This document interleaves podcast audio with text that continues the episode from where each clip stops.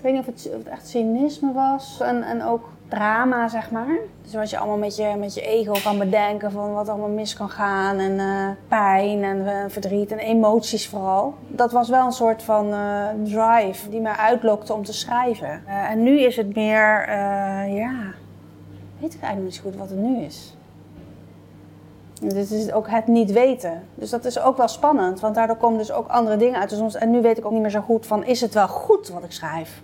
Is het ook nog wel literair? Dat weet ik dus nu niet meer zo heel goed.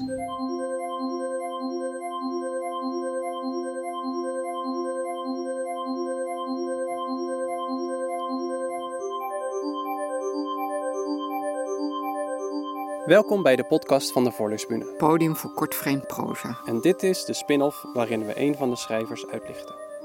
Mijn naam is Leonard En ik ben Marion. en deze week praten we Heel geaard. met Rinske Kegel.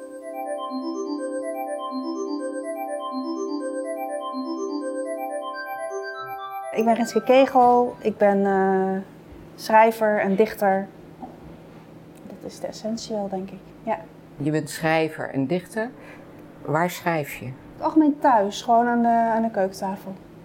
Ja, dat is de plek waar ik het meeste schrijf, ja. En neem eens mee naar die keukentafel. Hoe ziet dat eruit? Eh, dat is een keukentafel en die is gemaakt van eh cederhout. Van een Libanese ceder. Door een oude schoolgenoot van mij. Een mooie houten tafel. Die heb ik mezelf dit jaar cadeau gedaan. Hele dikke, hele dikke tafel, echt wel 10 centimeter dik. Met een- zo'n bast nog eraan. En daar schrijf ik, daar heb ik mijn laptopje staan. En daar eh, schrijf ik. En kijk je uit, uit een raam of op een muur? Nee, het zit, het zit aan het raam, aan mijn achtertuintje. Ik heb een heel klein tuintje en ik kijk nog tegen een ander huis aan, maar ik voel me daar, het is toch een beetje open. Dus ik vind het wel fijn om bij het licht te zitten. Ik, zou, ik heb ook een tijdje boven gezeten, maar ik vind toch beneden, ik ben toch weer naar beneden verhuisd. Vroeger schreef ik ook nog wel echt met de hand en had ik boekjes en zo, maar dat is wel minder geworden. En ik schrijf ook wel op mijn telefoon, maar dat is dan onderweg als ik iets, of, of nog in bed soms, dat ik nog even zodat je even zo'n ingeving krijgt dat je in bed nog even op je telefoon in het kladblokje wat zet. Maar het meeste toch wel echt op mijn laptop. Niet meer zo heel ouderwets. Zeg, eh, wat doe jij eigenlijk in het dagelijks leven? Eh, ik doe de was, ik eh, poep en plas, ik koop kattenvoer en eten, ik geef de planten water, maar meestal te laat. Ik zit op Tinder mannen te swipen. Ik zet de wifi 's ochtends aan en s'avonds weer uit. Ik maak gemberthee, ik drink koffie. Ik vraag aan mijn kind of ze haar huiswerk maakt. Eh, ik zeg tegen geneeskundestudenten dat voor jezelf opkomen de hiërarchische cultuur in een ziekenhuis kan veranderen.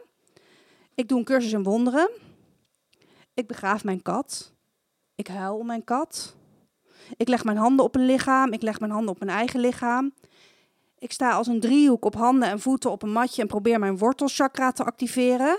Maar ik denk aan biologische citroenen. Ik koop friet omdat ik te lui ben om te koken. Ik stel het uit om de oude buurman te vragen hoe het gaat, omdat hij altijd vraagt of ik binnen wil komen en ik geen nee durf te zeggen terwijl binnen een bedompte zure lucht hangt. Ik stel heel veel uit.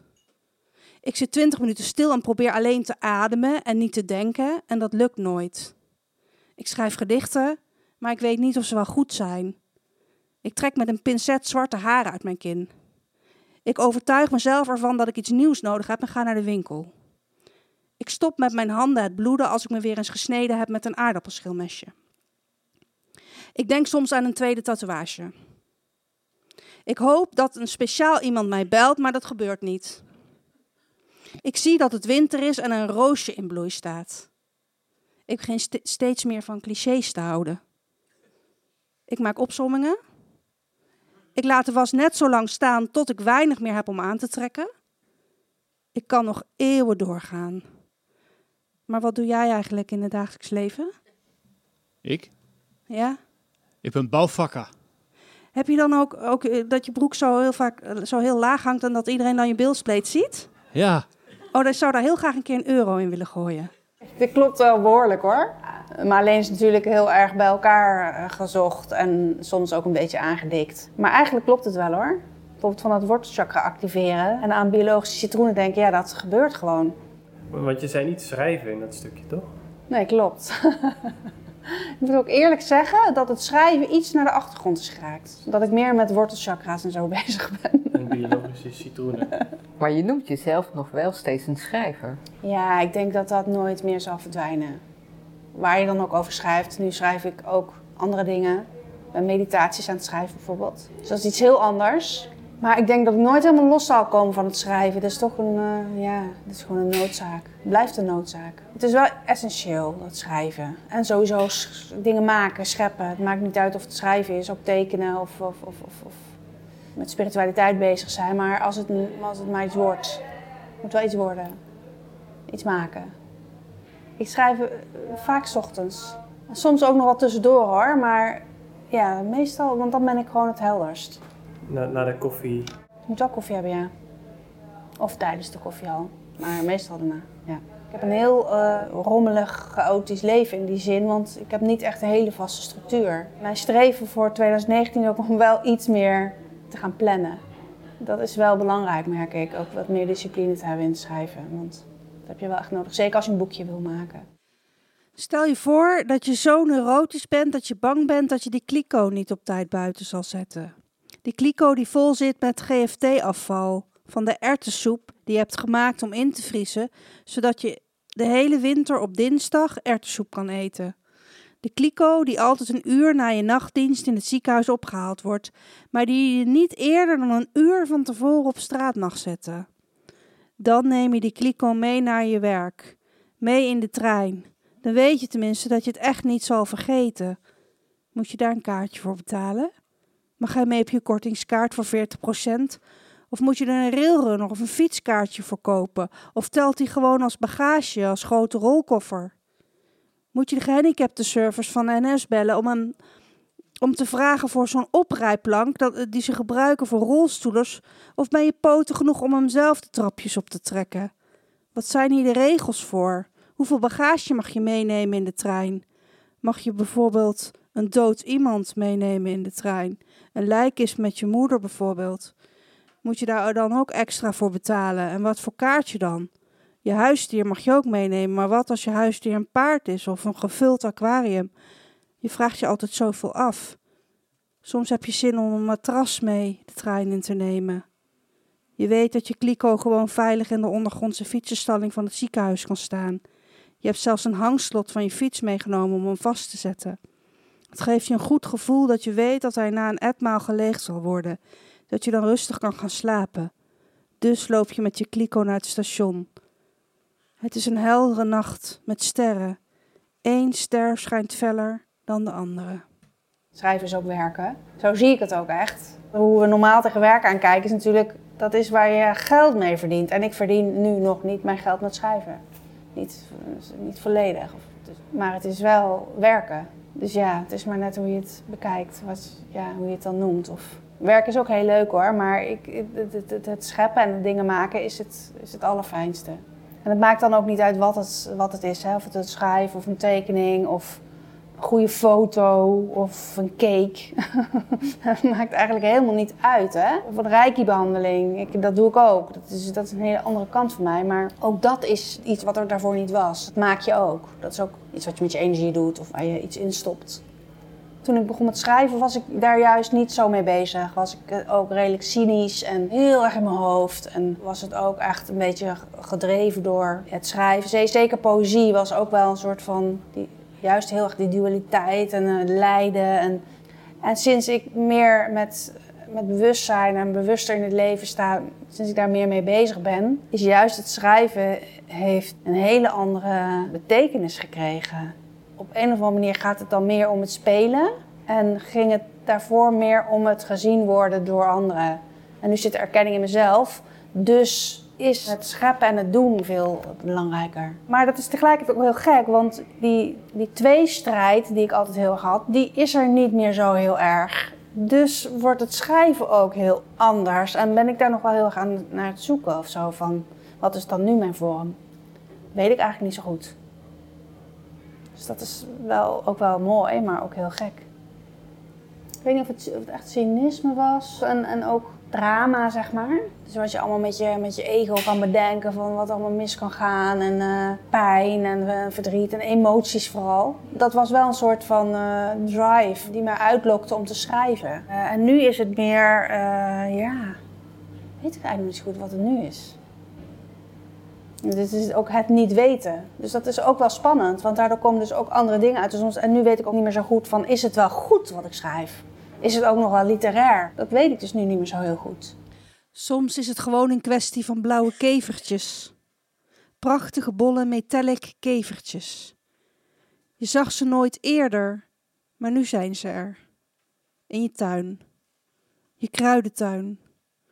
De kruidentuin waar je gek op bent. De kruidentuin waar citroenmelisses in staat, laurier, salie, lavas, oregano, basilicum, peterselie, bieslook, tijm, munt. Van de munt zet je elke dag thee. Muntbladeren hebben haartjes als een zacht babyhuidje. Eerst zag je er eentje, één schattig blauw bol kevertje. Je keek naar hoe het schildje in de zon glanste als het kale hoofd van een Duitser op het strand, als een oog waaruit net een vliegje gevreven is, als een bloeddruppel die opwelt naar de prik van een naald. Die grote. Je wist nog niet dat dit kevertje niet alleen gekomen was, dat het bijbelse vormen aan zou nemen, dat het de kaken had van een koe. Ik schrijf nog steeds heel graag gedichten. Daar is ook alles mee begonnen. Uh, voorlezen vind ik ontzettend leuk, want dan gebeurt er gewoon iets in de interactie. Dat vind ik nog steeds heel erg leuk en eigenlijk ja, nog steeds het leukste. Het contact, reacties, ik krijg gewoon direct feedback. Dat vind ik heel leuk. Het grappige is dat ik de afgelopen twee jaar heel weinig literatuur en heel weinig poëzie heb gelezen, dat ik het bijna niet meer kon lezen. Ik dacht, al die verhalen, dacht ik, gadverdarrie. Het gewoon even helemaal geen zin meer in. En ik ben dus heel veel spirituele boeken aan het lezen. Terwijl ik daarvoor altijd zei, nee, dat heb ik niet nodig. Dat ga ik echt niet. Het is allemaal onzin, zweverig. En uh, non-dualiteit, uh, boeddhistische dingen. Ik heb heel veel cursussen gedaan. Ik heb ja, ook hele dingen gedaan waarvan ik van tevoren dacht, dat zou, je, zou ik nooit gedacht hebben dat ik dat zou doen. Dus ja, ik ben gewoon een hele andere weg ingegaan. Een ander pad. Heel mooi pad. Ja. Tot zover het gesprek met Rinske Kegel. Marion, Rinske had het net over dat ze meditaties schrijft. Heb jij enig idee hoe dat zit? Ja, dat weet ik wel, maar ik had me nooit bedacht dat je die moet schrijven. Nou, ik heb er dus een opgezocht uh, op internet. Hm? Het komt uit Het bloeien van een lotus van Thich Nhat Hanh uit 1993. Hm. Wil je proberen? Ja. Stoppen met aanwezig zijn. En. Stoppen en aanwezig zijn. Oh ja. Stoppen en aanwezig zijn. Ik adem in en ik weet dat ik inadem. Ik adem uit en ik weet dat ik uitadem. Ik adem in en mijn adem wordt dieper. Ik adem uit en mijn adem gaat langzamer. Ik adem in en ben me bewust van mijn lichaam. Ik adem uit en ik ontspan mijn lichaam. Ik adem in en kalmeer mijn lichaam. Ik adem uit en koester mijn lichaam.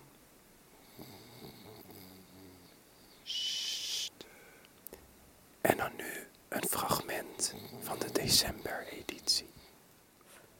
Captain's Log, stardate 17 maart 300 miljoen. Lief. De dagen verlopen als altijd. Uit het raam de fletse kleuren van mijn stervende planeet. Binnen de monotone zoom van de luchtbehandeling. Af en toe klikt de thermostaat van de koffiemachine. Ochtends lees ik nu voor de derde keer Astronomie voor Dummies. En weer lees ik dingen die me de vorige keer niet op zijn gevallen. Ik vind het nog steeds moeilijk. Maar ja, ik ben natuurlijk een weegschaal en die hebben nou eenmaal moeite met dat soort dingen. En voor de afwisseling lees ik in de middag het huishoudelijk reglement. Ik kom mijn dagen goed door. Het eenzijdige dieet van ruimtebeschuit en spuitvis me minder tegen dan de eerste jaren. Of de koffie naar koffie smaakt is moeilijk te zeggen. De herinnering vervaagt, net als alle herinneringen. Het leven buiten dit schip lijkt steeds meer op een droom die langzaam wegglijdt. Er is niemand die ik mis. Wel mis ik dat er iemand is. Ik heb zoveel vragen. Vandaag las ik in het reglement waarom het schip van buiten moet blijven glimmen en waarom de buitenlampen 23 uur per dag aan moeten blijven.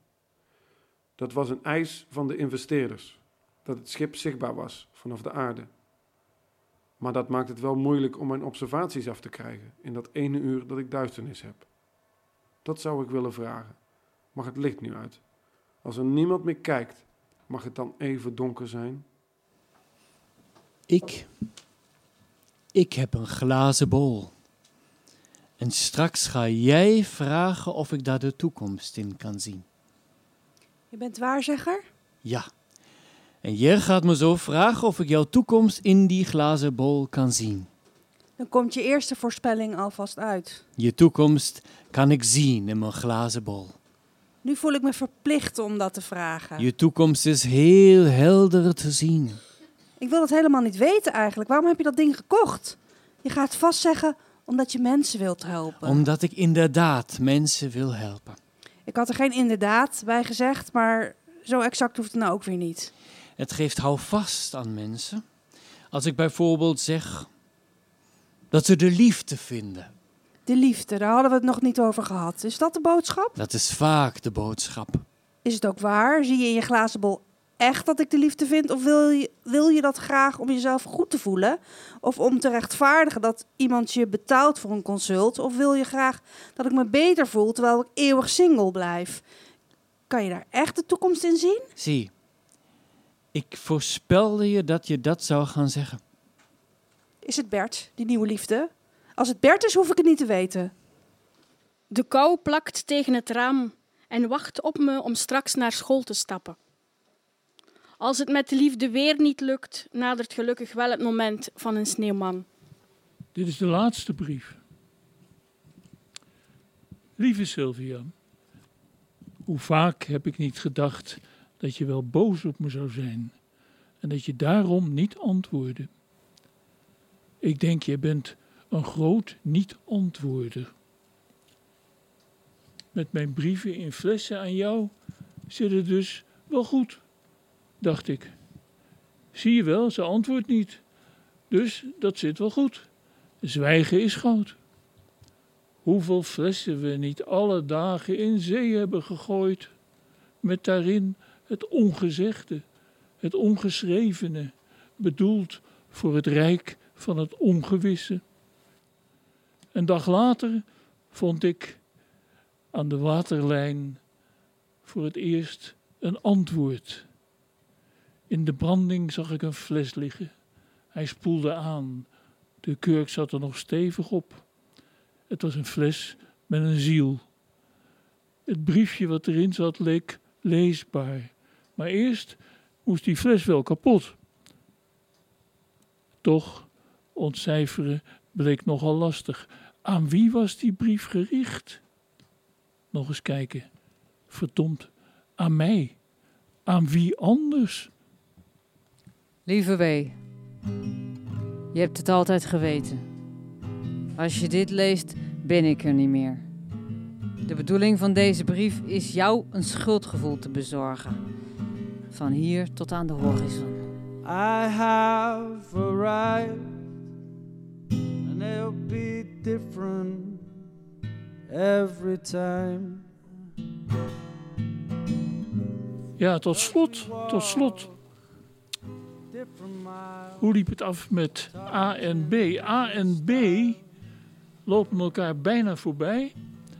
A lijkt B ergens van te herkennen. Jij bent het! Ja, jij bent het zeker. Ik herkende je meteen. B bekijkt A van kop tot teen en wordt een beetje woest.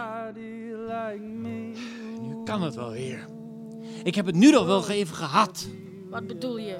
Dat de hoeveelste keer is dit nu al? Kan een mens nooit eens op zijn gemak over straat lopen?